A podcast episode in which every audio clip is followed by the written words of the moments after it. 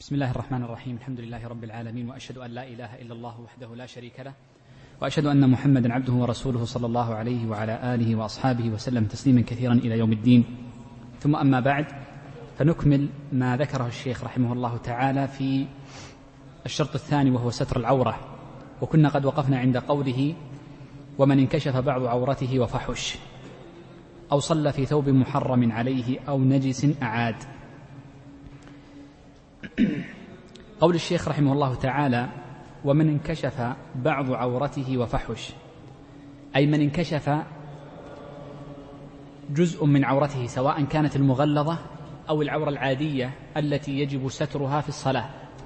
وكنا قد ذكرنا أن العورة المغلظة للرجل هي السوأتان والعورة المغلظة للمرأة هي ما بين السرة إلى الركبة والعادية ما عدا ذلك وبينا حده في الرجل والمرأة معا. فمن انكشف شيء من ذلك وفحش فإنه تبطل صلاته ويعيد ولو كان جاهلا ولو كان جاهلا. وبناء على ذلك أو الأصل في ذلك أن ستر العورة واجب وسبق التدليل عليه من كتاب الله وسنة النبي صلى الله عليه وسلم. والقاعدة أن كل شرط يتخلف يبطل بتخلفه المشروط. فهنا من انكشف بعض عورته وفحش من كشف منها فإنه تبطل صلاته لأنه ليس ليس بساتر لعورته سواء كان متعمدا أم جاهلا. وسيأتي معنا إن شاء الله أن من انكشف بعض عورته من غير قصد منه وكان الانكشاف يسيرا من حيث الزمان أو يسيرا من حيث المقدار فإنه لا يكون مبطلا للصلاة. يقول أو صلى في ثوب محرم. إذا صلى المرء في ثوب محرم عليه كأن يكون الثوب المحرم عليه ثوب حرير. وقد نهى النبي صلى الله عليه وسلم عن الصلاة في الثوب الحرير. أو كان الثوب المحرم ثوب مغصوب أو شري بماء محرم. يكون المال الذي اشتري به مال مستحق مال محرم. فإن الصلاة في هذه الحالة تكون صلاة غير صحيحة. لأنه من, صل من, من ستر عورته بثوب, بثوب محرم كحرير أو مغصوب ونحوه فإنه في هذه الحالة يكون كغير الساتر. لأن القاعدة الشرعية عندنا أن أن السبب المحرم وجوده وعدمه سواء.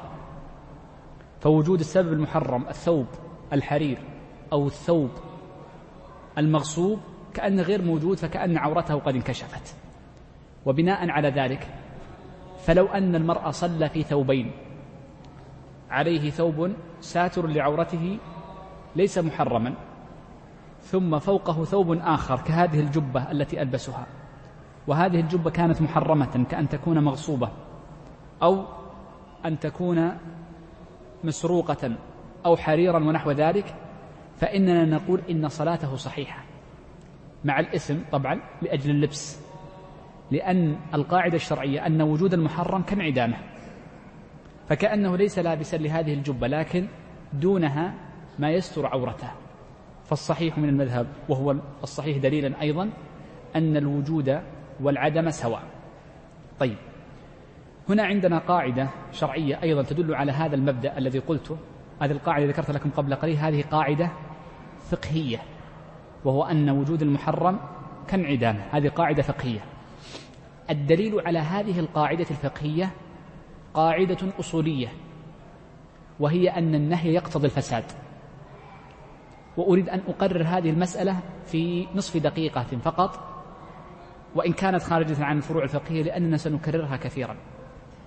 القاعدة عند فقهاء المذهب الحنابلة أن النهي يقتضي الفساد مطلقا فكل أمر ورد النهي عنه فإنه يكون فاسدا مطلقا. واختار الشيخ تقي الدين أن النهي إذا كان لحق الله عز وجل فإنه يقتضي الفساد. لحق الله عز وجل. وإن كان النهي ليس لحق الله وإنما لحق الآدميين علق صحة التصرف على إذنهم إن كان تصرفا يترتب عليه التزام. وأما إن كان التصرف لا يترتب عليه التزام كأن يكون عبادة ونحو ذلك فيبقى له أجرة المثل ونحوها مما يكون من باب الضمان. وعلى العموم أنا أردت من هذا التفصيل طبعا الجمهور لهم تفصيل آخر فيما يتعلق بالشرط أو الصفة ولكن أردت من معرفة هذا الأمر أن نعرف أن كل نهي عن النبي صلى الله عليه وآله وسلم فإنه يكون محمولا على التحريم والفساد. التحريم من حيث الحكم التكليفي والفساد من حيث الحكم الوضعي في مشهور المذهب. وذلك قلنا للنهي فإنه يحكم بفساده. طيب. قال ثالثا أو نجس. فمن صلى في ثوب نجس أعاد سواء كان عالما أو ناسيا لا فرق. وسيأتي معنا الناس بعد قليل. الدليل على ذلك ما روي من حديث ابن عمر رضي الله عنهما أن النبي صلى الله عليه وآله وسلم قال من اشترى ثوبا بعشرة دراهم وفيها درهم حرام لم يقبل الله عز وجل صلاته التي يصليها في ذلك الثوب. وهذا الحديث رواه الإمام أحمد. فهذا الحديث يدل على بطلان صلاة من صلى في ثوب مغصوب وفي حكمه الثوب المحرم كالحرير أو النجس وسيأتي التفصيل في النجس بعد قليل. قال لا من حبس في محل النجس. هنا انظر. من صلى في ثوب النجس عالما أو جاهلا أو ناسيا فإن صلاته باطلة. السبب أنه قد تخلف شرط الصلاة. مش معي. لكن من أتى في مكان نجس مكان نجس لا يستطيع أن يصلي إلا فيه. فنقول هنا التعذر يسقط الشرط.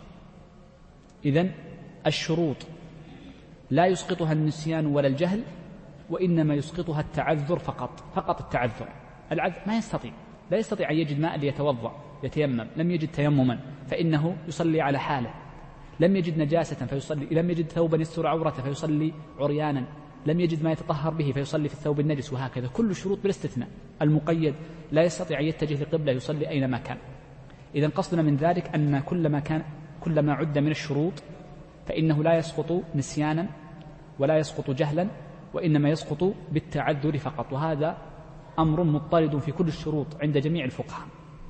ولذلك هنا مسألة وإن كنت سأكررها بعد قليل أن الفقهاء رحمهم الله تعالى دقيقون في عباراتهم. فإذا عدوا الشيء من الشروط فمعناه أنه لا يسقط نسيانا ولا جهلا في الجملة.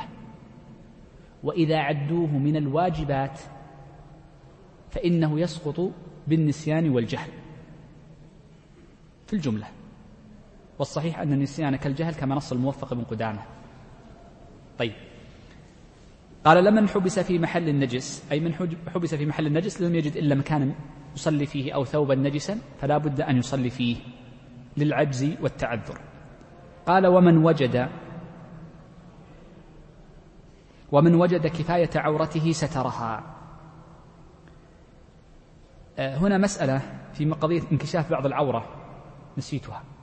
أنا ذكرتها بسرعة ولكن أريد أن أركز لها.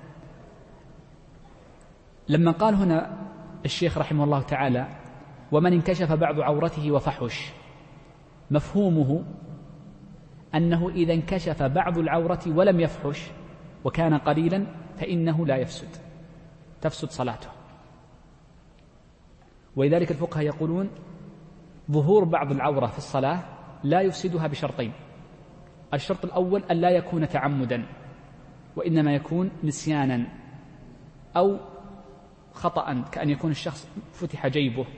الجيب هذا مفتوح. فلما ركع ظهرت عورته أصبح ينظر إليها. فهنا يغطيها يزرها ولو بشوكة ونحوها. إذا الشرط الأول لابد أن يكون المعذور عن حضور الكشف أن يكون من غير قصد. الشرط الثاني أن يكون غير فاحش.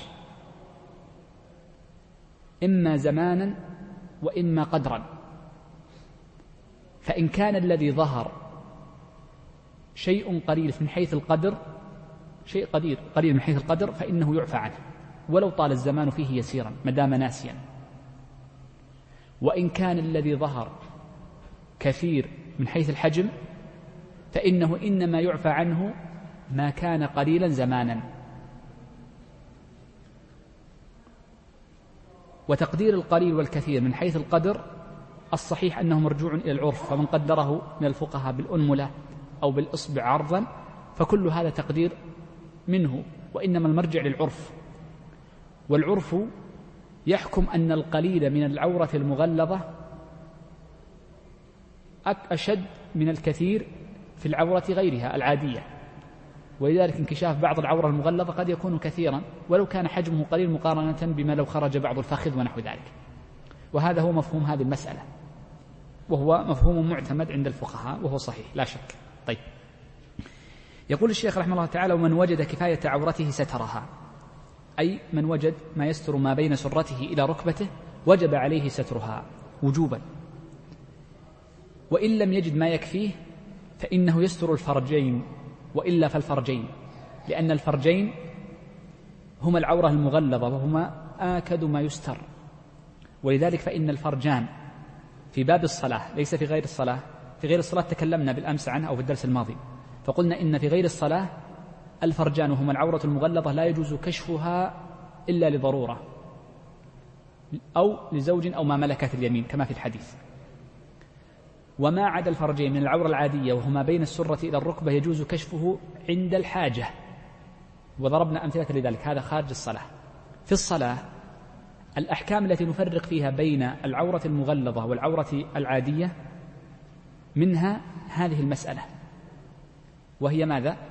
أن من وجد شيئا يسيرا من الثياب التي لا تكفي ستر عورته العادية كاملة فإنه يقدم العورة المغلظة فيستر فرجيه. إذا الحكم الأول أن العورة المغلظة مقدمة على سائر العورة العادية في ستر العورة إن كان الثوب لا يكفي إلا لبعضها. الحكم الثاني الذي يتعلق بالعورة المغلظة وكله على مطرد المذهب ومرة المسألة وهو أن انكشاف القليل من العورة المغلظة في أثناء الصلاة له حكم الكثير من غيرها. والسبب أن العرف يقتضي ذلك. أن العرف يقتضي ذلك. هنا عرفنا إذن التفريق بين العورة المغلظة وغيرها في أثناء الصلاة وفي غيرها وما ينبني عليه من أحكام. نعم. قال فإن لم يكفهما لم يكن عنده إلا ما لا, ما, ما لا يكفي ستر القبل والدبر. قال فالدبر أي فستر الدبر أولى لأنه ينكشف في حال السجود وفي غيره من, من, من, من الأحوال الصلاة فستره يكون أولى. قال وإن أعير أي المصلي أو الذي يرغب بالصلاة سترة لزمه قبولها. السبب في أنه يلزمه قبولها قالوا لأن قبول العارية ليس فيها منة ليس فيها منة خارجة عن العادة في الكلفة والمؤنة. والأمر الثاني أن هذه قبول العارية هي ليست في ملكه لكنها لأجل الصلاة فهي شرط لأداء الصلاة فيلزمه أن يصلي بها ليستر عورته لأجل أن يتحقق الشرط. بخلاف عندهم ما لو كانت الهبة يعني هدية وفيها منة. كأن يكون الشخص لا ثوب عليه فيأتيه شخص فيعطيه هدية بمنة فيها منة. فيقول لا يلزمه أن يقبلها. فيجوز له أن يصلي بهذا الثوب الذي وهب له بمنة ويجوز له أن يصلي عريانا. بخلاف العارية لأن العارية لا منة فيها.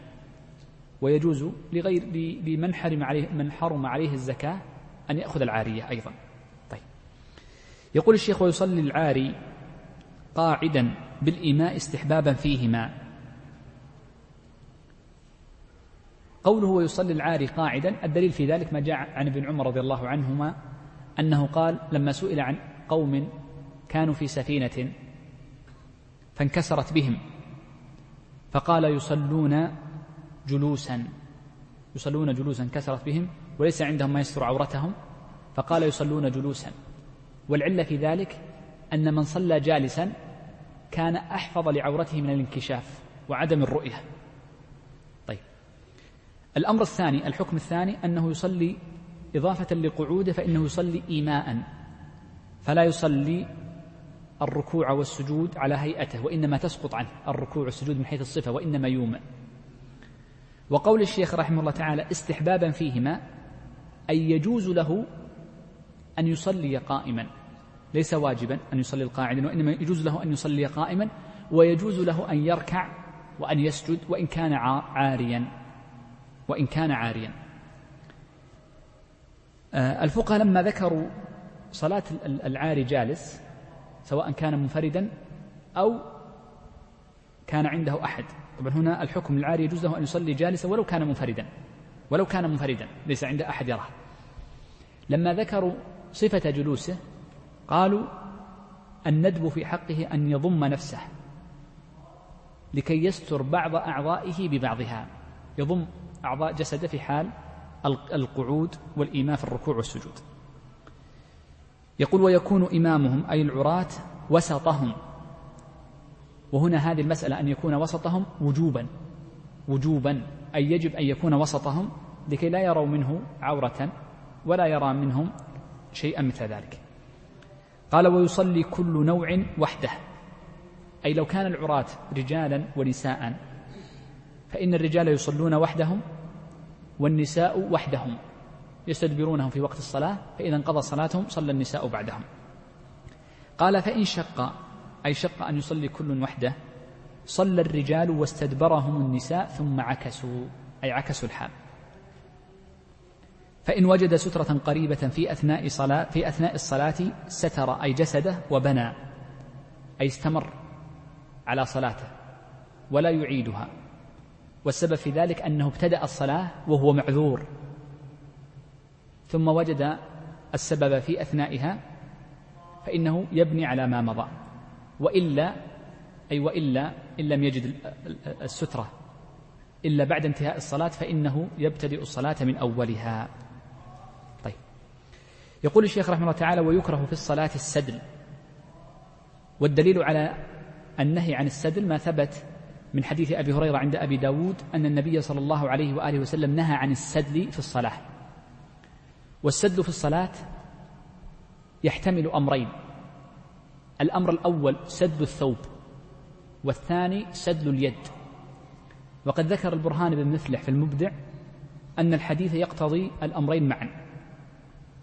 فأما سد الثوب قالوا فهو أن يرخي المرء الثوب على كتفيه ولا يجعل طرفه على عاتقه الآخر. مثل ماذا؟ الذي يلبس على كتفيه شالا. هذا ثوب سد الثوب. الثوب معناه أنه أن يكون مثل لما يطلق الثوب في الأصل هو قطعة القماش. ليس الثوب هذا هذا ليس ما ثوبا هذا قميص. الثوب هو قطعة القماش. عندما تجعل الرداء أو الشال على كتفيك وترخيهما ولا تجعل طرفه على عتيقك الآخر هذا يسمى سدلا. كحال المحرم إذا جعلها على عاتقيه ولم يجعلها رداء جعلها على العاتقين فوق فقط غطى الكتفين ولم يغطي ظهره. لم يجعلها رداء جعلها ثوبا على العاتقين. فهنا يقولون هذا من باب السدل. هذا من باب السدل وإنما يلفه على عاتقه الأيسر وإنما يلفه على عاتق الأيسر. وقلنا إنه مكروه وليس بمحرم. لماذا؟ لأنه ليس متعلقا بالشرط. شرط الصلاة ستر العورة وإنما هو متعلق بهيئة من هيئات الثياب. هذا الأمر الأول في السدل وهو المشهور في كتب المتأخرين الفقهاء أنهم يحملون السدل على سدل الثوب. وقلت لكم قبل قليل أن ابن مفلح البرهان بن مفلح وهو الحفيد ذكر في المبدع أن السدل أيضا يكون في اليد, في اليد والمراد بسدل اليد إرخاؤها وعدم القبض عليها حال القيام قبل الركوع طبعا لأن النهي محمول على ما قبل الركوع. فيكون النهي عن السدل هنا إرخاؤهما وعدم القبض. وقد جاء في حديث وائل بن حجر وغيره أن وسلم كان يقبض أو يضع يده اليمنى على يده اليسرى تحت صدره. وسيمر معنا أنه لم يصح حديث النبي صلى الله عليه وسلم في وضعها على الصدر. إذا هذا النهي عن السدل في اليدين. وقلنا إن محله ما كان قبل الركوع. وما بعد الركوع سيأتي الحديث عنه في محله إن شاء الله. يقول الثاني ويكره أيضا اشتمال الصماء. والدليل على النهي عن اشتمال الصماء ما ثبت حديث في الصحيحين من حديث أبي هريرة أيضا أن النبي صلى الله عليه وسلم نهى عن لبستين. ومن اللبستين التي نهى عنها اشتمال الصماء. واشتمال الصماء له تعريفان تعريف عند أهل اللغة وتعريف عند الفقهاء. فأما أهل اللغة فإنهم يقولون إن الصماء هو أن يلف الثوب على بدنه بحيث لا تخرج يديه. فيكون سبب كراهة اشتمال الصماء أن هذا الرجل لا يستطيع أن يكبر فيكون في ترك لسنة أو أنه إذا رفع يديه لأجل تكبير أو ركوع ونحو ذلك انكشف بعض عورته فيكون كراهة لأجل المظنة. هذا كلام أهل اللغة وهو الذي يعتمله اللفظ. ولكن قال أبو عبيد القاسم سلام إمام, اللغو إمام اللغويين في عصره وكل من كتب في الغريب فلا بد أن يرجع إليه عليه رحمة الله. وهو قرين الإمام أحمد. قال والصحيح أننا نرجع في تفسير اشتمال الصماء لقول الفقهاء. ولا نرجع لكلام أهل اللغة لأن الفقهاء أعلم بموارد النصوص يعرفون معاني العلل. ولذلك فإن كلمة الفقهاء وهي التي نص عليها أحمد وغيره وهي الصحيح. جميع الفقهاء نص كذلك مالك وغيره من الأئمة أن المراد باشتمال الصبماء هو الاضطباع مثل ما تطبع ألا تطبع في الحج والعمرة أن تخرج أحد عاتقيك وتغطي العاتق الآخر. هذا اضطباع والاضطباع منهي عنه في غير الطواف. اشتمال الصماء منهي عنه في الصلاة وفي غيرها والحديث الصحيحين. فهو محمول على إخراج أحد العاتقين وتغطية العاتق الآخر منهي عنه. وفي الصلاة يتأكد النهي يتأكد النهي. ولذلك فإن بعض الحجاج والمعتمرين يطبع من يحرم من الميقات إلى أن يحل إحرامه. ونقول أنت فعلت كراهة في موضعين الاطباع في غير الطواف مكروه لعموم حديث النهي عن اشتمال الصماء في الصلاة وفي غيرها وفي الصلاة يتأكد الكراهة فتغطي عاتقك. ولذلك فإن الاطباع لمن طاف طواف القدوم ينتهي عند متى؟ عند انتهائه من الطواف. فإذا أراد أن يصلي الركعتين يلزمه أن يغطي كتفيه لكي لا يشتمل اشتمال الصماء. نعم. قال وتغطية وجهه. أي وتغطية الوجه مكروه في الصلاة والسبب في ذلك ما ورد من النهي والآثار في هذا الباب في النهي عن تغطية الوجه. ومثله اللثام على الفم والأنف. فتغطية الوجه يكون بالكلية واللثام والأنف يكون على بعض الوجه. والسبب في النهي عن هذا الفعل أن فيه مشابهة لفعل المجوس وبعض غير المسلمين فإنهم يتعبدون الله عز وجل بتغطية وجوههم ولذلك ورد النهي عنه. ورد النهي عنه من باب المشابهة ونقل فيه آثار متعددة. قال وكف كم كمه ولفه أو ولفه. ومحل النهي عن كف الكم ولفه إذا لم يوجد السبب يوجد السبب. فإن وجد السبب فإنه يكون مباحا. والمراد بكف الكم هو جمعه. كأن يكون المرء يكون كم كمه طويل أو ثوبه وجاء عن وسلم النهي عن النهي عن كف الثوب وكفته. فأن إذا أراد السجود طبعا ال ال ال الكف يكون عند السجود. فإذا أراد السجود جمع ثوبه لبعضه أو جمع أكمامه مثل هكذا يجمعها لكي يسجد. فهذا منهي عنه نهي كراهة. وإنما السنة أن يسجد مع ثوبه. ولذلك قال وسلم يعني أمرت أن أسجد على سبعة أعظم وألا أكف ثوبا. فتسجد بثوبك على الأرض ولا تجمعه. ما تجمع الكم. ما تجمع طرف الثوب والإزار. وإنما تسجد به. هذا واحد. لفه هو جمعه في الذراع أو أعلى من ذلك. فتلف تلف الثوب لفا. فتلفه لفا. فتلفه لفا. لماذا هذا النهي ورد؟ قالوا لسببين. السبب الأول لأن المرأة في صلاته يلزمه أن يأتي بأجمل زي ومثل هذه الهيئة ليست من الزي الجميل بل هي هيئة المستعجل الذي يلف يلف ثوبه. هيئة المستعجل. وإنما السنة أن يأتي الشخص وعليه سكينة ووقار للصلاة وأن يتجمل في صلاته. يا بني آدم خذوا زينتكم عند كل مسجد. والسبب الثاني أن هذا اللف والكف أو الكف والكفت كما جاء في الحديث فيه حركة في الصلاة. تؤدي إلى حركة في الصلاة إما في اللف أو في إزالة اللف. وهذه الحركة تخالف أفعال المصلي في صلاته. متى يستثنى الكراهة ويجوز؟ قالوا إذا وجد السبب. كأن يكون طبيعة الثوب هو اللف فبعض الثياب بعض الثياب طبيعتها تكون ملفوفة بعض القمص التي يلبسها بعض الناس. تجمع تلف هكذا يعني لفتين أو ثلاثة أو أربعة ثم يجعل بعدها مثلا زرار. فهو يعني إن صح التعبير موديلها هكذا. فهذا السبب موجود. أو وجد السبب الذي يقتضي ذلك ل يعني لبس معين أو عادة معينة فهنا نقول إن الكراهة ترتفع إن الكراهة ترتفع. طيب. قال وشد وسطه كزنار.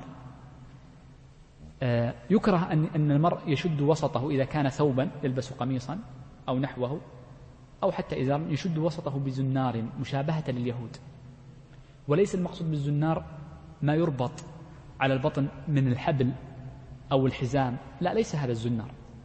وإنما هذا جعل لربط الثوب وال والرد والإزار. والعرب قديما يجعلون على أزرهم حبلا أحيانا لربط متاعهم. يوجد من يربط هذا. وإنما الزنار هو علامة لأهل الكتاب.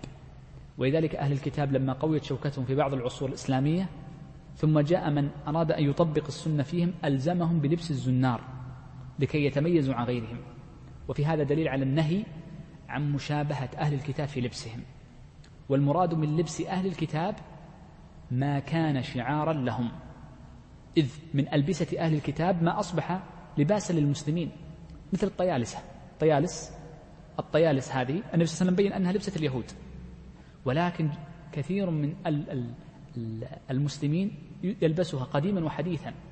بل إن أبا داود أب أبا أبا الوليد الطيالسي شيخ الإمام أحمد والبخاري وغيره إنما سمي ذلك نسبة لصنع هذه الألبسة. فإذا اشتهر بين المسلمين وصار معروفا بينهم فلا يكون النهي واردا له وإنما النهي فيما لو كان شعارا ومعروفا به غير المسلمين فإنه يكون في محله. آه، هنا الفقهاء طبعا توسعوا في ذكر أحكام ليست في الصلاة. في الصلاة تشمل الصلاة وغيرها. وقد ذكرنا أن هذه تسمى خبايا الزوايا وألف فيها بعض أهل العلم كتبا تسمى بالخوادم. خادم كتب الفقه ما هو؟ هو الذي يدلك على بحث المسألة في غير مظنتها. وهذه تسمى الخوادم هي مثل هذا مثل خادم الرافعي وغيره نعم. قال الشيخ رحمه الله تعالى وتحرم الخيلاء في ثوب وغيره. أي ويحرم الخيلاء يقصد به إسبال الثوب.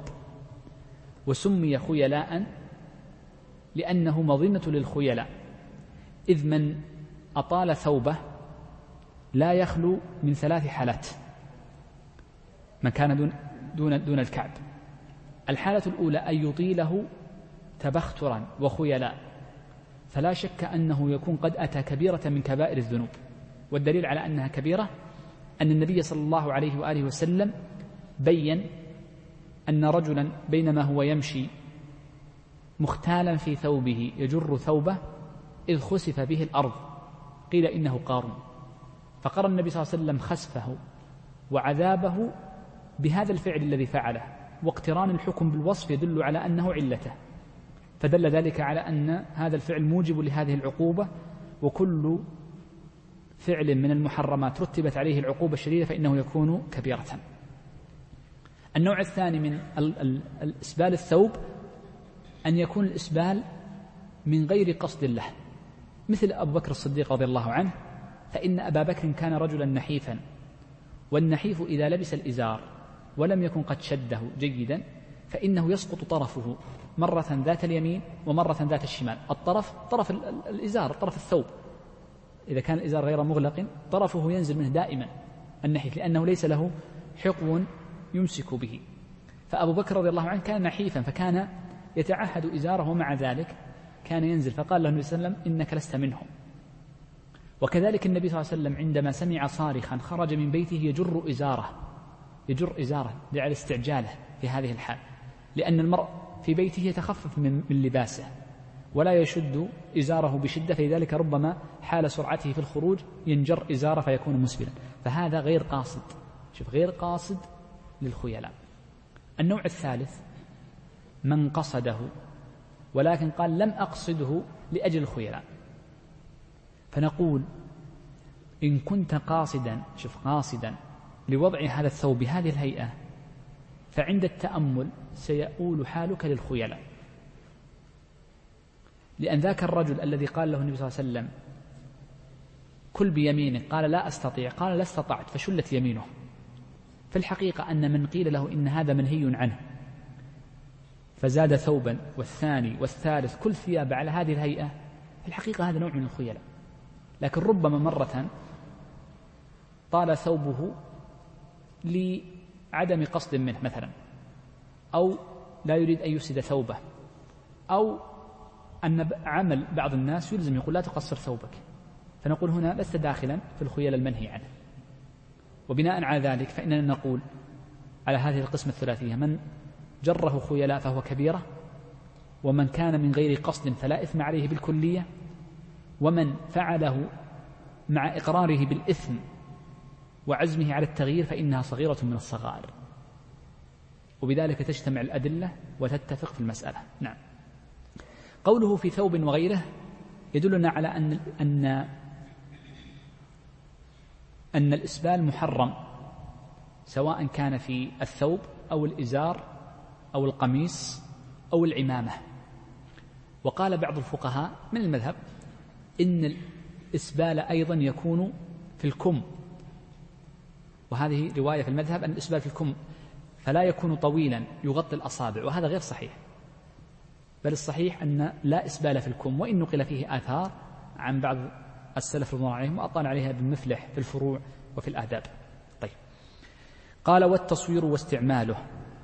أي ويحرم التصوير لنهي النبي صلى الله عليه وسلم عن هذا الفعل وتشديده العقوبة عليه فإن النبي صلى الله عليه وسلم بين أن من صور فإنه مأمور يوم القيامة بأن يحيي ما صوره وليس بفاعل وهذا يدل على عقوبة الشديدة في ذلك. والمراد بالتصوير ثلاثة أمور. الأمر الأول التصوير بمعنى التجسيم مثل صنع الأصنام وغيرها. وقد أجمع العلماء على تحريمه. أجمع العلماء قاطبة على أن هذا الفعل محرم وليس بحلال والنوع الثاني من التصوير التصوير برسم اليد. طبعا والمراد بالتصوير إنما هو لذوات الأرواح وأما غير ذوات الأرواح أو ما لا تكون فيه روح كأن يكون جسد بلا رأس. فقد جاء عن ابن عباس أنه جائز فيكون كهيئة الشجرة. قلنا النوع الثاني التصوير بالرسم. وجماهير أهل العلم على أنه محرم وليس حلالا. الأول باتفاق والثاني فيه خلاف والجمهور على المنع منه. والنوع الثالث من التصاوير قالوا هو الحبس حبس الظل. مثل التصوير الفوتوغرافي هذا أو التصوير الأفلام وغيرها. وهذه المسألة من النوازل التي لم تحدث إلا قريبا في مئة سنة الأخيرة. فالخلاف فيها متأخر. ولا يمكن أن تنسب الخلاف فيه للمذهب إلا إذا نظرت للقواعد للقواعد فيه. والقاعدة عند الفقهاء أن النهي عن التصوير إنما هو مضاهاة خلق الله عز وجل. وبناء على ذلك فمن فعل هذا التصوير النوع الثالث وهو حبس الظل فليس فيه مضاهاة لأنه أتى بنفس خلقة الله عز وجل حبسها مثل المرآة أو الماء وغيرها. فالقاعدة أو التخريج على قاعدة الفقهاء أننا نقول إنه ليس بممنوع. ليس بممنوع. ولكن لا شك أن الأولى والأحرى الامتناع منه. لا شك. لا شك. طيب. قال واستعماله أي واستعمال التصاوير. فلا يجوز استعمال التصاوير لأن ما حرم لم يجوز استعماله إلا ما استثني وهو الافتراش. فيجوز افتراش ما فيه تصاوير. لما جاء عن النبي صلى الله عليه وسلم لما دخل على عائشة فوجد عندها تصاوير فأبى أن يدخل فأخذتها فجعلتها وسادة للنبي صلى الله عليه وسلم. فجلس عليها فيجوز الجلوس الافتراش جعله في الكرسي أو على على على البساط ونحو أن يكون شيء فيه تصاوير ليس منهيا عنه لأن النبي صلى الله عليه وآله وسلم فعله. الفقهاء يجعلون له مناطا فيقولون ما كان مهانا. فكل تصاوير يكون مهانا في موضع إهانة يفترش أو يجلس عليه أو يرقد عليه فإنه يجوز عندهم ولكن الأولى لا شك الأحوط تركه. يقول ويحرم استعمال منسوج أو مموه بذهب. أي ويحرم استعمال الثوب المنسوج بالذهب. أو المموه يعني شرك بعضه بذهب. قبل استحالته. طيب.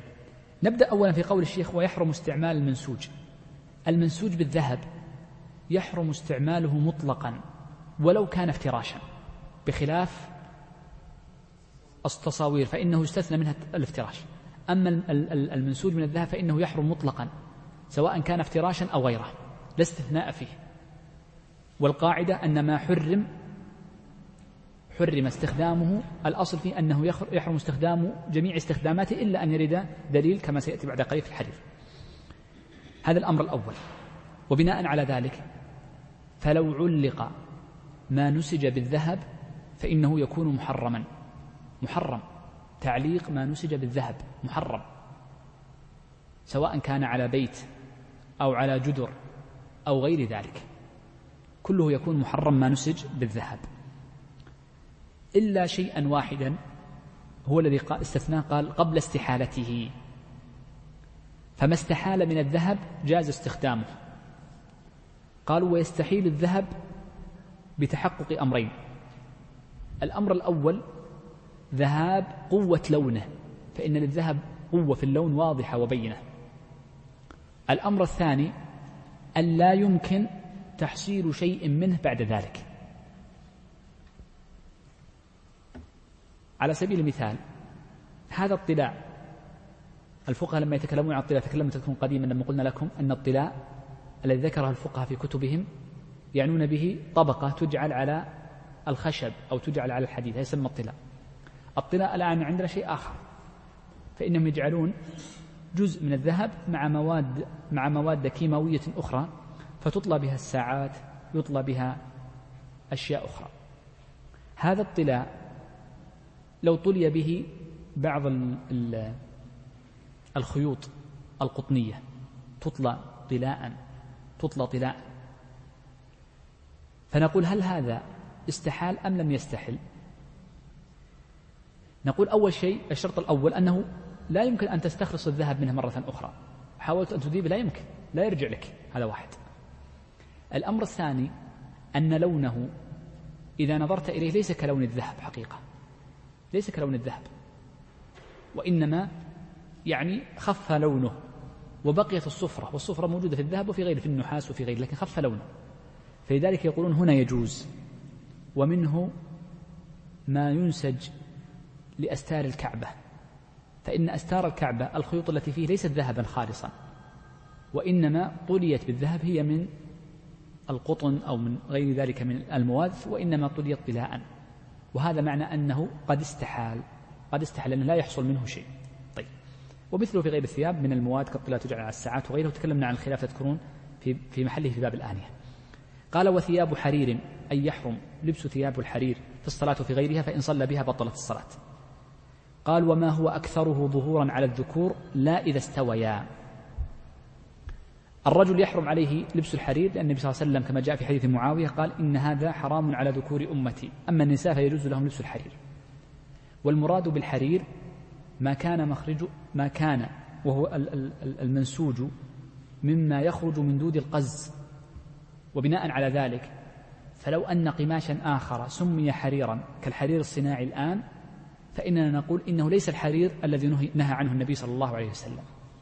بل لو وجد شيء أنعم من الحرير كالخز وغيره فإننا نقول إنه ليس كحكمه على الإطلاق بل يختلف عنه. طيب. قال وما هو أكثره ظهورا؟ إذا كان الثوب أكثره الظاهر أكثره من الحرير فإنه يحكم لأكثره. بخلاف ما لو كان أقل لأن النبي صلى الله عليه وسلم استثنى القليل في الحرير في الثياب سنتكلم عنه بعد قليل. فإذا كان الأكثر من الثوب حرير فإنه يكون ممنوع. كيف يكون الأكثر حرير؟ قالوا إذا كان الثوب له بطانة وظاهر. فكان الظاهر حرير والبطانة ليست من حرير. فنقول هنا أكثره ظهورا الذي يظهر لأمام الناس في الرؤية. شوف الذي يظهر للناس في الرؤية هو الحرير فيكون ممنوعا. وإن كان لو نظرت لقماش الثوب لوجدت أن البطانة وما تعلق بالجوانب قد يكون أكثر أكثر من حيث المقدار. لكن العبرة بالظهور أي بما يراه الناس وليس العبرة بما والى الجسد وإنما بما والاه ظهورا. فبحيث تنظر ظاهرا ما ظهر لك من من الثوب حرير فإنه يكون الأكثر فيه فإنه يكون في هذه الحالة ممنوعا. قال لا إذا استويا إذا استوى الحرير وغيره في الظهور في الظاهر كأن يكون نصفه من الحرير ونصفه من غيره فإنه في هذه الحالة فيه روايتان في المذهب واختار المصنف أنه إذا استوى يكون حكمه حكم الحل. وسيأتي لماذا بعد قليل عندما نتكلم عن أربعة أصابع. قال أو كان لضرورة أي فيجوز في الحرير إذا كان لضرورة مثل ما جاء عن عبد الرحمن بن عوف والزبير بن العوام أنهما كانت فيهما حكة يحك ثوبه يحك جسده. ومثل هذه الأقمشة التي كانوا يتعاملون بها من الصوف والقطر ربما كانت تؤذيهم رضي الله عنهم فأذن لهم النبي صلى الله عليه وسلم بثوب من حرير لكي يزيل عنهم هذا الضرر. فهنا الضرورة فهنا ضرورة إلى الحرير. وقد ذكرت لكم قبل التفريق بين الضرورة والحاجة. وقلنا إن الضرورة تكون لعين الشيء لعين الشيء. فهنا من كان محتاجا للحرير لا يجد ثوبا يلائم جسده إلا الحرير كحال عبد الرحمن بن عوف والزبير رضي الله عنهما فإننا نقول يجوز لك الحرير. وأما من احتاج إلى صفة من صفاته فهنا نقول يقدر بقدره كما سيأتي في قضية الأعلام قال أو لضرورة كجرح ونحوه أو حكة أو مرض أو مرض. فأتى بالضرورة ثم ألحقه ما بعده من باب عطف الخاص على العام. أو مرض. بعض الأمراض قد يناسبها عند الأطباء القدامى لبس ثوب حرير ونحو ذلك. أو حرب. الحرب ليس من الضرورة. فالفقهاء يقولون يجوز في الحرب لبس الحرير ولو لغير حاجة. هذه قاعدتهم. لأن النبي صلى الله عليه لأن النبي صلى الله عليه وآله وسلم بين أن موضع الحرب موضع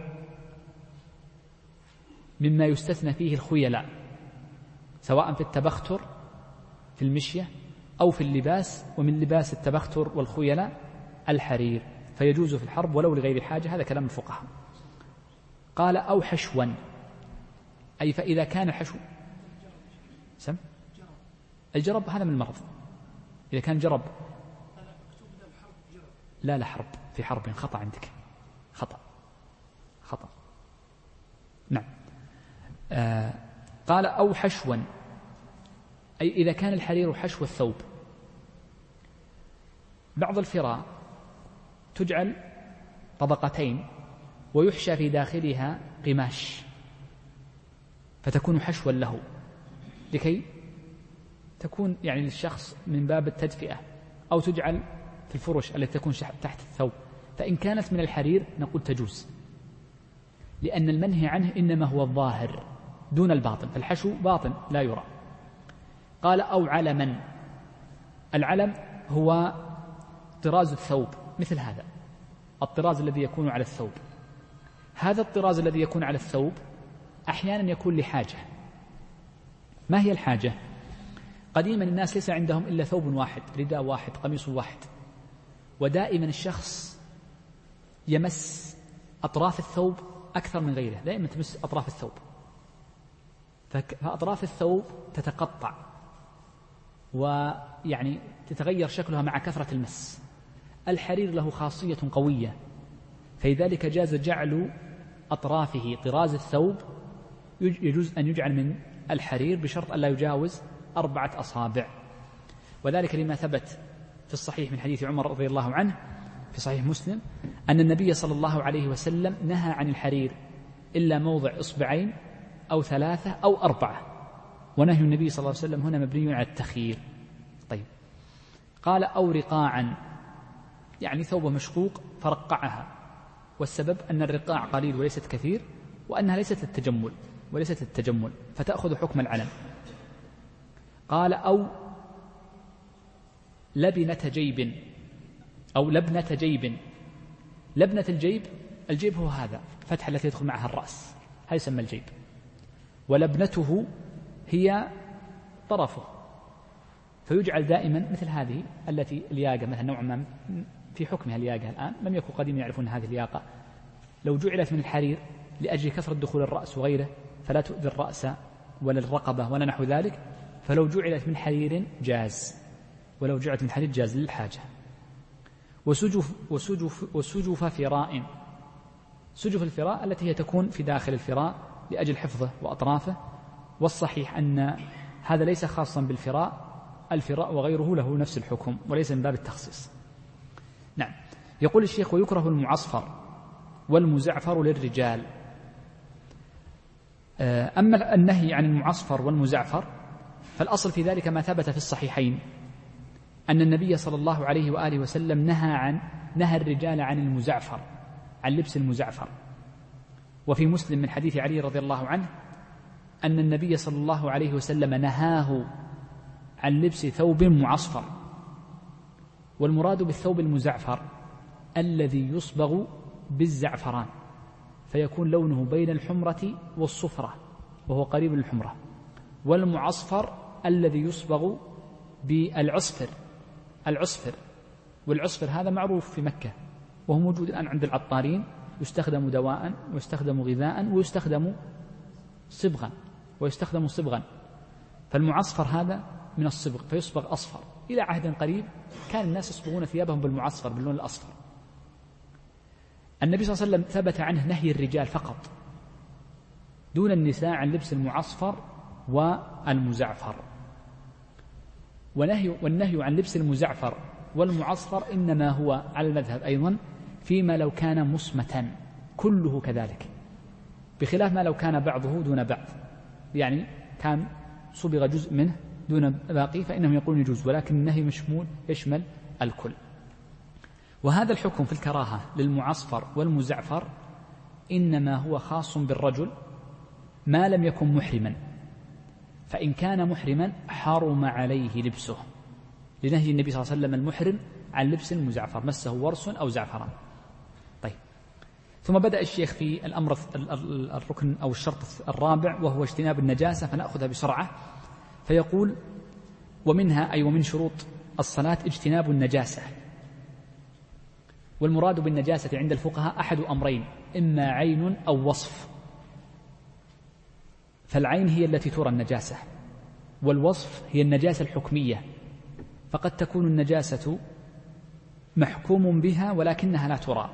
وسبقت معنا في مثل آه، أن أن أن النجاسة إذا وقعت على ثوب على أو على بقعة فإنها لا تطهر بالاستحالة. وتكلمنا عنها. فهذه تعتبر نجاسة حكمية لأنها غير موجودة لا ترى. فهي وصف وليست عين. إذا النجاسة أمران وصف وعين. يقول الشيخ فمن حمل نجاسة لا يعفى عنها أو لاقاها بثوبه أو بدنه لم تصح صلاته. الإنسان إنما يجب عليه تطهير ثلاثة أشياء فقط. التي يجب عليه تطهير ثلاثة أشياء. الأمر الأول بدنه. يجب إزالة النجاسة من بدنه. الأمر الثاني ثوبه أيضا في أثناء صلاته. الثوب الذي يصلي به سنأتي بضابطه بعد قليل وهو ما يتحرك وينجر بحركته. الأمر الثالث قال بقعته التي يصلي فيها. والدليل على أنه يجب تطهير الثياب أن الله عز وجل قال وثيابك فطهر. فيلزم تطهير الثوب في هذه الحالة. والنبي صلى الله عليه وسلم ثبت عنه أنه صلى ثم خلع نعله فقال إن بلالا أتاني آنفا وذكر أن لي في نعلي أذى. فدل على أن هذا الأذى إن حمل على النجاسة فإنه يكون من باب ماذا؟ التطهير. فيجب إزالة النجاسة في هذه الحال سيأتي توجيه هذا الحديث بعد قليل عندما نتكلم عن قضية النسيان.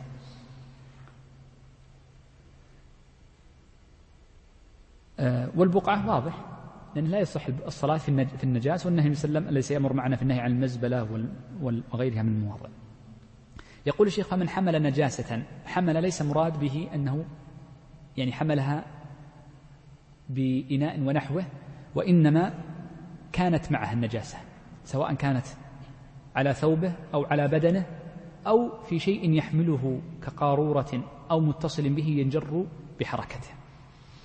قال لا يعفى عنها. ونحن سبق معنا أن من النجاسات ما يعفى عنه. فلعلنا أن نتذكر بعض تلك النجاسات التي يعفى عنها. منها ماذا؟ يسير الدم. يعفى عن نجاسته. نعم.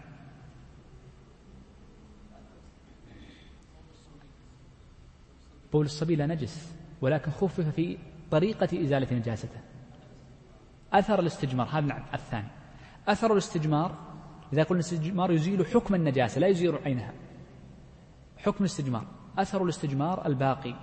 الأمر الثالث ال ال الذي لا يستطيع إزالته فيكون معفوا عنه. والأمر بعضهم يقول إن النجاسة اليسيرة جدا التي تكون لا يمكن إزالتها كالتي تكون بين الأظافر هذه معفو عنها. ولذلك قدرت النجاسة المعفو عنها. بعضهم يقول بالإظفر لأن هذا من أقل ما ورد أنه يعفى عنه. فما لا يمكن إزالته كما بين الأظافر وما في حكمه يكون معفوا عنه كذلك. طيب. قال أو لاقاها بثوبه. ما معنى أو لاقاها بثوبه؟ ليس معناها أنها في ثوبه فقط. نعم قد تحتمل أنه يعني هي طارئة على ثوبه أو أنه يلاقيها في ثوبه إذا سجد. فتحتمل أمرين. وعلى ذلك فنقول إن المصنف بين الأنواع الثلاثة كلها البدن الذي سيأتي أو لاقاها بثوبه كانت على ثوب المصلي أو لاقاها بثوبه عند السجود. ولكن غالب الشراح عندما يتكلمون أو لاقاها بثوبه أي لاقى النجاسة وقعت على ثوبه كانت النجاسة على ثوبه. أو بدنه لم تصح صلاته مطلقا لتخلف الشرط وسيأتي بعد قليل. قال وإن طين أرضا نجسة أو فرشها طاهرا أي بشيء طاهر كرهت الصلاة وصحت. صورة هذه المسألة لو كانت الأرض نجسة عليها بول أو عليها دم مسفوح أو غير ذلك من النجاسات فطينها أي جعل عليها طينا هناك ميتة فأتيت بتراب بالمسحاة فكببت عليها هذا التراب الكثير فلم يبقى لها أثر لا ترى شيئا.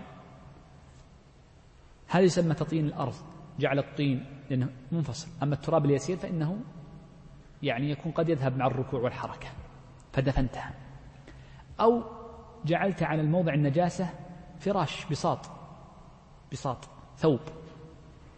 يقولون في هذه الحالة تصح صلاتك ولكن بشرط. لا بد أن يكون الثوب الذي جعل عليها طاهرا وأن يكون صفيقا وهذا شرط زائد على ما ذكره المصنف لكن متفق عليه عند الفقهاء لا بد أن يكون صفيق. فالرقيق عندهم لا يكون في هذه الحالة ساترا للنجاسة. فلو رأيت نجاسة على أرض فأتيت فوقها بسجادة وصليت عليه يقول يجوز بالشرط الذي ذكرته قبل قليل. والدليل على ذلك ما هو؟ أن المطلوب إنما هو محل ما باشره المصلي لا ما دونه. ولو قلنا بأنه يمنع من ذلك للزم المرء أن ينظر في باطن الأرض. فما من موضع في الغالب إلا وفي باطنه نجاسة قديمة أو حادثة. لكن الفقهاء يقولون يكره أنك تفعل هذا الشيء. لماذا؟ لأن النفس قد تكره هذا الشيء تكرهه. وقد يوقع في النفس من الوسواس ومن الشك الشيء البين فالأولى لك أن تترك هذا الشيء فكراهتهم له من هذا الباب. يقول وصحت أي وصحت الصلاة. يقول وإن كانت أي النجاسة بطرف مصلى متصل صحت. أي وإن كانت النجاسة بطرف المصلى تصلي على سجادة وفي طرفها نجاسة. أو وأنت تصلي وفي طرف المصلى النجاسة بعيدة عن محل الصلاة. الذي تصلي فيه فإن صلاتك صحيحة ولو كانت في قبلتك. ولذلك يجب أن نبين مسألة مهمة هنا وهو محل المصلى. ما هو المصلى؟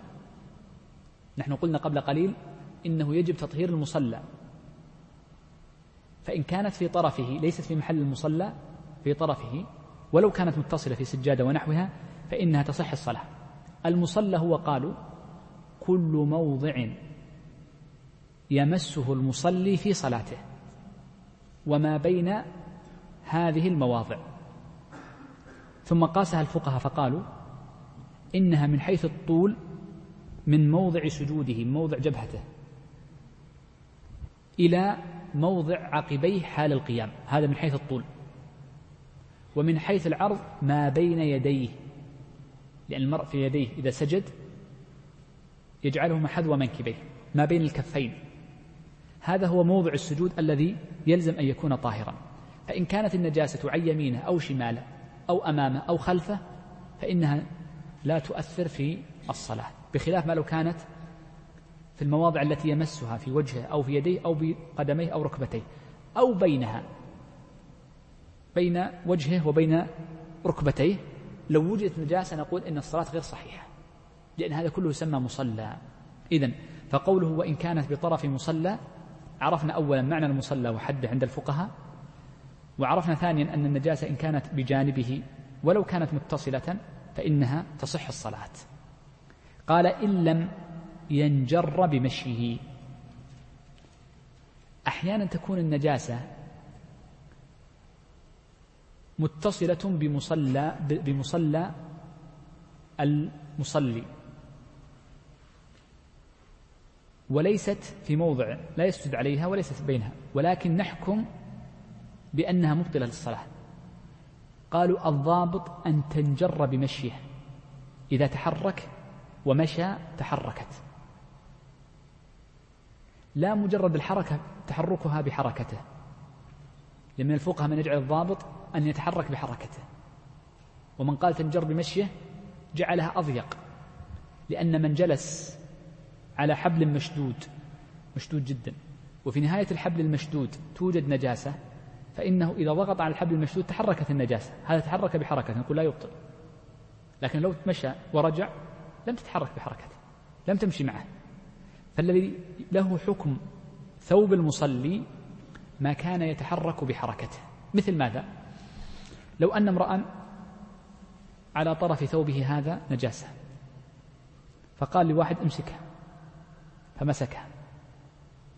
لم يمسها المصلي أبدا ولكنه ماسك هذه العمامة ولو نقول إن العمامة طويلة مترين وهو ماسك النجاسة. هل نقول إن صلاته صحيحة أم ليست بصحيحة بينه وبين مترين تنجر بحركته. تنجر بحركته. طيب انظر. لو أن امرأ من غير حاجة طبعا كانت معه قسطرة أو يستطيع أن يفك القسطرة ولكن لم يفكها. بلين وفيها نجاسة. القسطرة تعرفونها التي تكون عن طريق المثانة ونحوها يستطيع إزالتها لكن قال لا أبقيها وصلى بها. نقول ما تصح؟ ولو كانت بعيدة عنك. لماذا؟ لأنها تنجر بحركتك. تنجر بحركتك. لو صلى امرؤ وفيه مغذي الدم يأتيه الدم. مثلا لو فرضنا مثلا الدم نجس. يتحرك بحركة لأن مشى مشى معه جره بالحبل. فهذه لها الحكم. لكن لو كان محتاج الوقت ضيق فيصلي في هذه الحالة كحكم المعذور كحكم المعذور. طيب. ما لا ينجر؟ قالوا لو كان مربوطا إلى نجاسة. عند عند الفقهاء عند الحنابلة فيه نظر أم ليس فيه نظر؟ هذه مسألة أخرى. غير مأكول اللحم نجس. فمن كان مربوطا عنده مثلا رابط رجله عزكم الله حمار أو بفيل. قالوا هذا لا ينجر بجره كبير فيل. فلذلك هنا تصح صلاته. أو كان راكبا عليه فيصححون الصلاة على الحمار. لأنه راكب عليه. كان يكون على هودج مثلا أو على على أحد الفيل فوق الفيل زي الهودج. ليس مباشرا له مثلا. في هذه الحالة نقول المباشرة. فيقول أن تصح الصلاة عليه لأنه لا يتحرك بحركته هذا كلامهم وهذه أمثلتهم. أنا أنقل لكم ما قالوا. طيب. لكي نمشي ما بقي من الوقت دقيقتان أو ثلاث. يقول الشيخ ومن رأى عليه نجاسة بعد صلاته وجهل كونها فيها لم يعد. إذا انتهى المرء من صلاته ثم رأى بعد انقضاء صلاته أن في ثوبه نجاسة وجهل. يعني لم يعلم هل هذه النجاسة كانت في وقت الصلاة أو طارئة بعد الصلاة. فنقول إن صلاته صحيحة. والقاعدة في ذلك ما هي؟ أن الفعل ينسب للحادث من الزمانين. إذا أمكن نسبة الفعل للزمانين فإنه ينسب للحادث منهما. فهذا الذي انفتل من صلاته ثم رأى على ثوبه دم مثلا. فيمكن أن يكون الدم بعد الصلاة ويمكن أن يكون قبلها فننسبه للوقت الثاني وهو ما بعد الصلاة فنحكم أن صلاته صحيحة. لأن هنا لا يجزم لم يكن جازما أن النجاسة كانت موجودة في وقت الصلاة. ولذلك يقول لا عبرة بالشك الطارئ الطارئ بعد الوقت. يقول وإن علم وانتبه هذه المسألة فإنها من المذهب يعني دقيقة شوي. قال وإن علم أنها كانت أي أن النجاسة كانت فيها أي في ثوبه أو في بدنه أو في بقعته. علم. لكنه نسيها كان عالما قبل ثم نسيها. وقع بول على أو دم على ثوبه قال سأغسله ونسي ونسي غسله. أو جهلها إما جهل عينها أو جهل حكمها. جهل عينها مثال ماذا؟ ما يدري أن أن هناك نجاسة هنا جهل العين. أو جهل الحكم لا يعلم أن الدم نجس. أن الدم نجس. فيكون هنا الجهل بالحكم وليس الجهل بالعين. فيقولون هنا يعيد الصلاة. ما دليلكم؟ قالوا لأن اجتناب النجاسة شرط والشرط لا يسقط بالنسيان ولا غيره. طيب ما تقولون في حديث النبي صلى الله عليه وسلم حينما صلى الله عليه الصلاة والسلام و آه ذكرت مسألة سابقة في كشف العورة. عندما صلى عليه الصلاة والسلام ثم وجد في نعله أذى والحديث عند أهل السنن. فخلع نعله لما جاءه جبرائيل عليه السلام. فخلع الصحابة نعالهم. الفقهاء المذهب يحملون على واحد من أمرين. إما أن هذا الفعل ليس بنجاسة فإنما هو أذى من باب التطهر فليس من النجاسة في شيء مطلقا. أو أن هذا الأمر يكون منسوخا. يكون منسوخ والحقيقة القول بالنسخ دائما ضعيف ما لم يرد الدليل على النسخ فقدر المستطاع لا تحمل بالنسخ. ولكن يقول إن الأذى هنا لم يقل نجاسة وإنما قال أذى. قد يكون شيء أو آخر من ليس من النجاسات ولذلك لما ذكر الشيخ قاضي علاء الدين المرداوي هذه المسألة قال ومن قال من فقهاء المذهب أن اجتناب النجاسة واجب قال إنه يسقط بالنسيان والجهل. وبذلك ينضبط ما رجح الموفق فالموفق ابن قدامة وشيخ الإسلام ابن تيمية وكثير من المشايخ الآن بل هو المعتمد أن الجهل والنسيان في النجاسة وعليه متقدم الحنابلة كثيرهم ونص عليه السامري وغيره في الفروق أن الجهل والنسيان في النجاسة ماذا؟ يكون معفوا عنه في الصلاة والحديث صريح فيه. ولكن الفقهاء أرادوا أن يضبطوا القاعدة.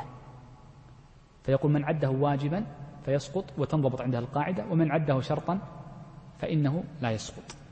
وأنا هنا أقف عند مسألة أن الفقهاء عندما يعدون الشيء شرطا أو فرضا أو واجبا فإنهم بنوا عليه جميع اللوازم نظروا في جميع لوازم وهذه ميزة الكتب المذهبية أنه أخذ الشيء ونظروا في لوازم تعاقب عليه عدد من أهل العلم فنظر في المحترزات فيأتي الخامس أو العاشر ممن كتب في المصنف أو في هذا الموضوع فأتى في احترازات هذا الباب. بخلاف من لو جاء شخص فألف هو ابتداء فربما يخونه التعبير أو يغفل أو ينسى فيأتي بمصطلح ليس في محله دقيق. ولذلك هذه ميزة الكتب المذهبية فإنها تكون دقيقة العبارة. نعم. يقول الشيخ ومن جبر عظمه بنجس. يعني آه، جبر بعظم لكلب أو ميتة أو نحو ذلك أو خيط جرحه بشيء نجس. لم يجب قلعه مع الضرر. هذا من حيث الحكم الإزالة.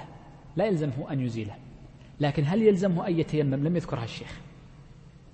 فيقول الفقهاء نعم المذهب أنه إن كان هذا النجس ظاهرا ظاهرا يعني ما زال ظاهرا يراه الناس فإنه في هذه الحال يجب التيمم مع الوضوء.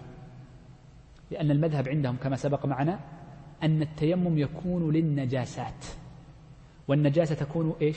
في الظاهر. أما لو بنى عليه عظم بنى على النجاسة لحم عفوا لو بنى عليه لحم فإنه لا يتيمم له. والسبب؟ أن أصلا باطن الآدم فيه نجاسة. الدم في باطنه والعذرة والبول فلا يكون النجس الذي يكون في الداخل وإنما ما كان ظاهرا.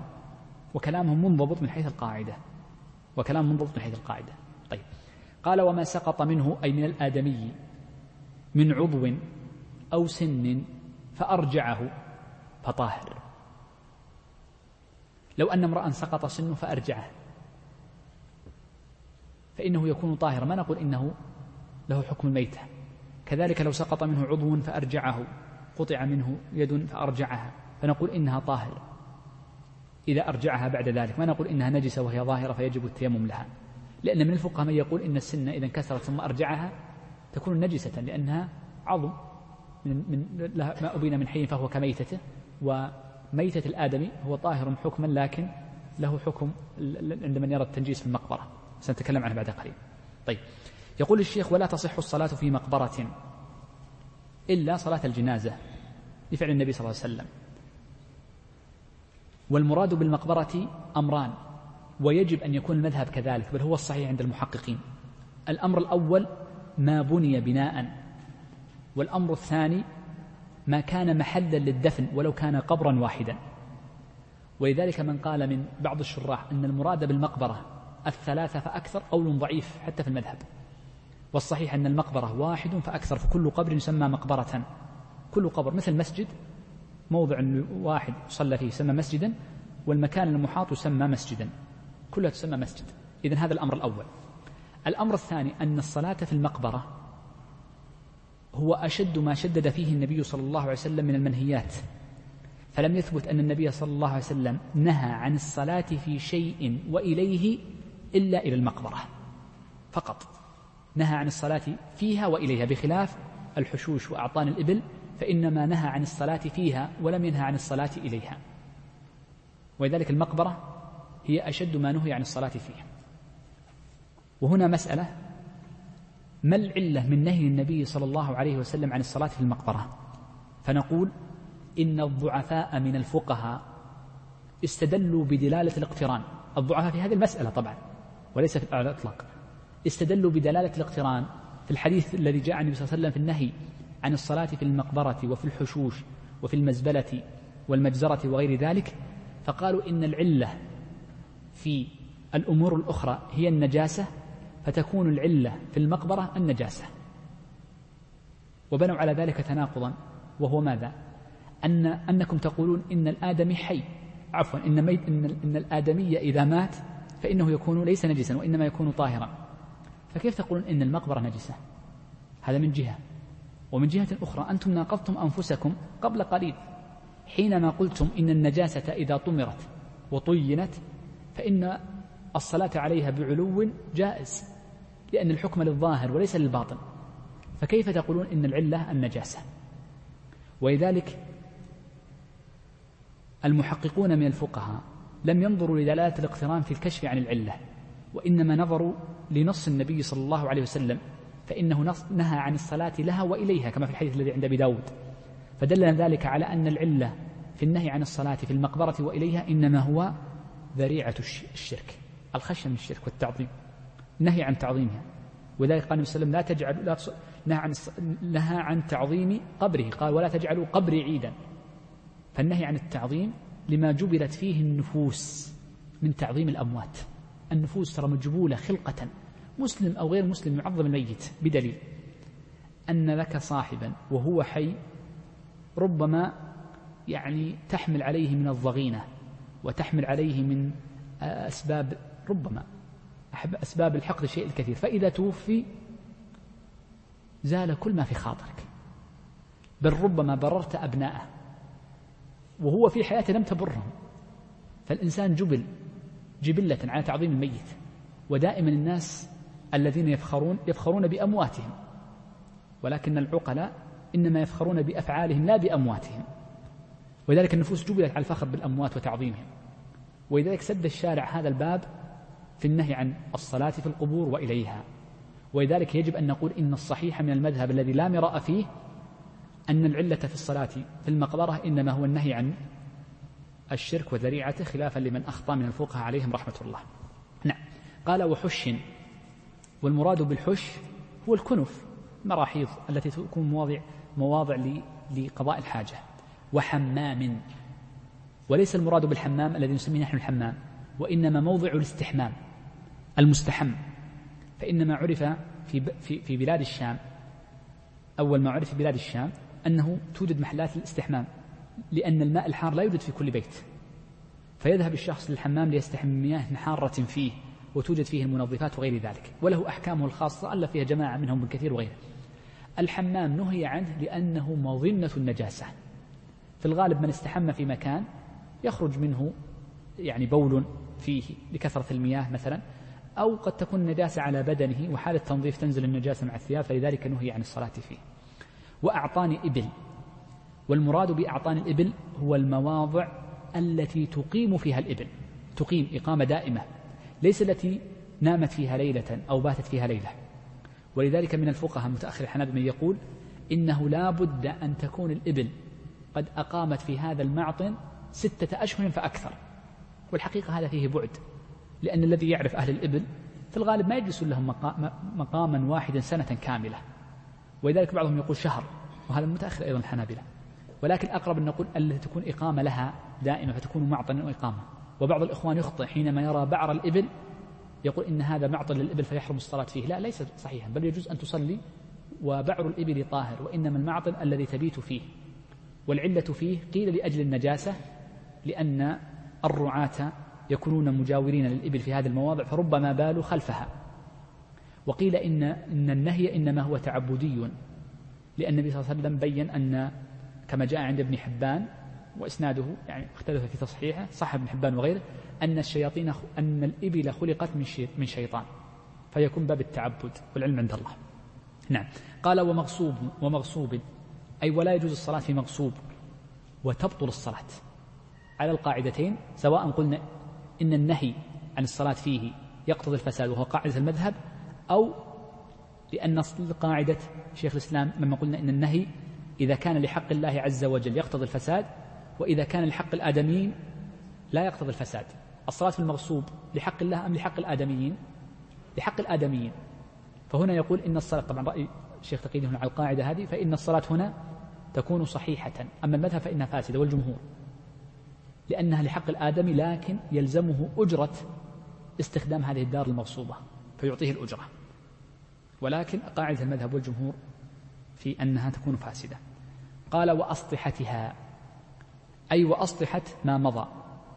لأن طبعا فيه روايتين في المذهب لأن عندهم قاعدة في هذا الباب عند من رأى هذا الرأي أن للهواء حكم القرار.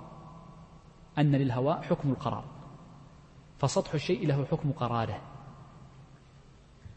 قال وتصح إليها أي لكل ما سبق إلا للمقبرة لورود النص.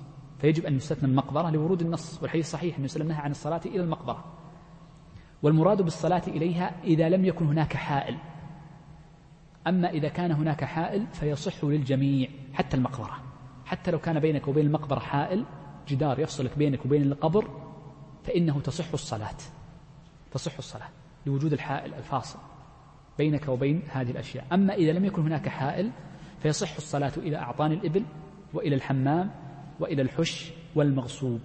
وأما المقبرة فالحديث صريح ولا الصلاة إليها. بالنسبة للمقبرة نحن قلنا قبل قليل إذا كان هناك حائل وفاصل الفاصل يكون بماذا؟ قالوا أولا إذا كان هناك طريق نافذ بين المقبرة وبين المسجد فتصح الصلاة.